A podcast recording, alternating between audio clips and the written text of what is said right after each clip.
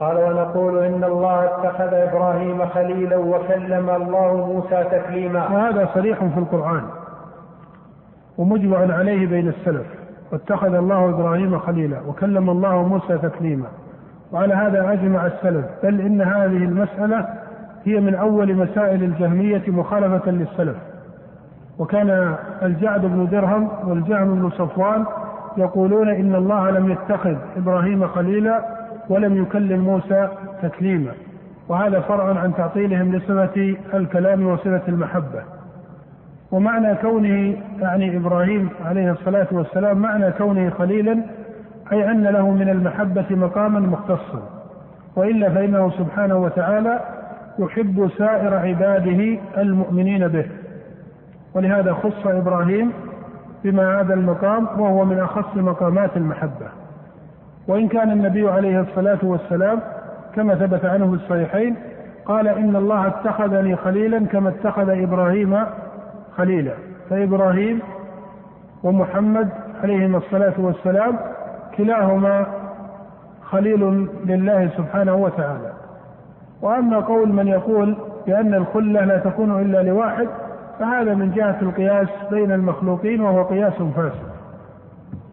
وأما قوله إن العرب لا تعرف الخلة إلا لواحد فلا يكون للشخص إلا خليلا واحدا فإذا تعدد لم تسمى خلة فهذا كلام لا معنى له. فإنه إذا استقام ذلك في كلام العرب فإن ذلك إنما هو مبني على أحوال بني آدم. وإلا فإن النصوص صريحة أن الله اتخذ إبراهيم خليلا وهذا في القرآن والسنة المحكمة الثابتة الصحيحة أن الله اتخذ محمدا صلى الله عليه وآله وسلم خليلا كما اتخذ إبراهيم خليلا.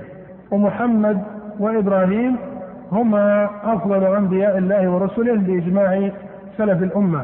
وأفضل رسل الله هو نبينا محمد صلى الله عليه وآله وسلم ثم إبراهيم. ولا ترى أن الله ذكر نبيا على التعظيم في كتابه والاختصاص بعد محمد صلى الله عليه وسلم كما ذكر إبراهيم فإن فإنه سبحانه ذكر له من مقامات التوحيد والإخلاص والإيمان والدرجة مقاما واسعا. ولهذا لما عرج بالنبي عليه الصلاة والسلام إلى السماء رأى إبراهيم في السماء السابعة وهذا دليل على عظم منزلته عليه الصلاة والسلام عند الله.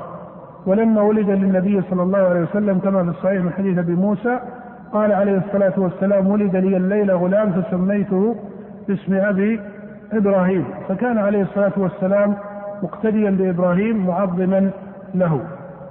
فإبراهيم هو أفضل الأنبياء والمرسلين بعد محمد صلى الله عليه وآله وسلم وصلى الله وسلم على سائر أنبيائه ورسله. نعم. قال ونؤمن بالملائكة والنبيين والكتب المنزلة على المرسلين. هذه المسائل الكتب والنبيين وقبل ذلك العرش واللوح تسمى في كلام كثير من المتأخرين بالسمعيات. تسمى في كلام كثير من المتأخرين بالسمعيات أو المسائل السمعيات أو الأصول السمعية. وهذه التسمية ليست معروفة في كلام السلف وإنما أحدثها طائفة من أصحاب الأئمة واستعملها أيضا طوائف من المتكلمين. وإن كان الجزم بأن أول من استعملها هم علماء الكلام قد لا يكون جزما بينا.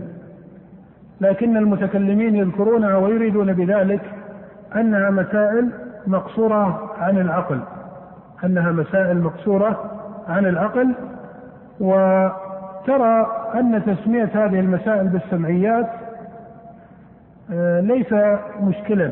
فإنها مسائل سمعية أي أنها متلقات. ماذا؟ بالسمع ولكن الإشكال في هذه التسمية ولا سيما في كتب المتكلمين الذين يطلقونها هو الإشكال في كونهم يجعلون مسائل المعرفة الإلهية مسائل الصفات والأفعال يجعلونها مسائل معروفة بما بالعقل. فإذا يكون الغلط ليس في كون هذه المسائل مسائل سمعية. نعم هي مسائل سمعية. وإن كانت مع كونها سمعية ليست مخالفة للعقل لكن مرادهم أنها خبرية متلقاة عن الخبر. هذا صحيح. لكن لما لم يقولوا عن غيرها بأنها مسائل سمعية؟ إذا فسرنا مراد من يستعمل ذلك من أهل السنة قلنا إنهم يقولون عن غيرها بأنها مسائل سمعية. أو على أقل تقدير أنهم يرون أن غيرها كما يثبت في السمع فإن أصوله تثبت وبعض أعيانه تثبت بالعقل كالصفات مثلا.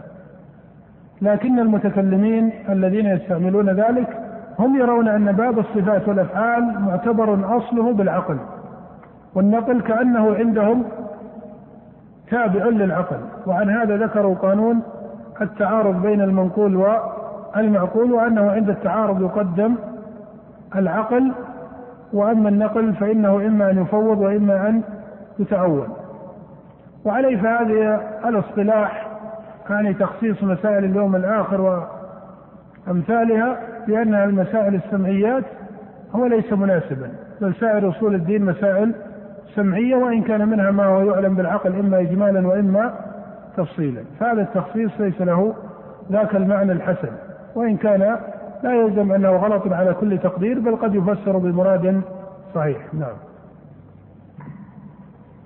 قال ونشهد أنهم كانوا على الحق المبين ونسمي أهل قبلتنا مسلمين مؤمنين. ونشهد أنهم كانوا على الحق المبين يعني الأنبياء والرسل عليهم الصلاة والسلام.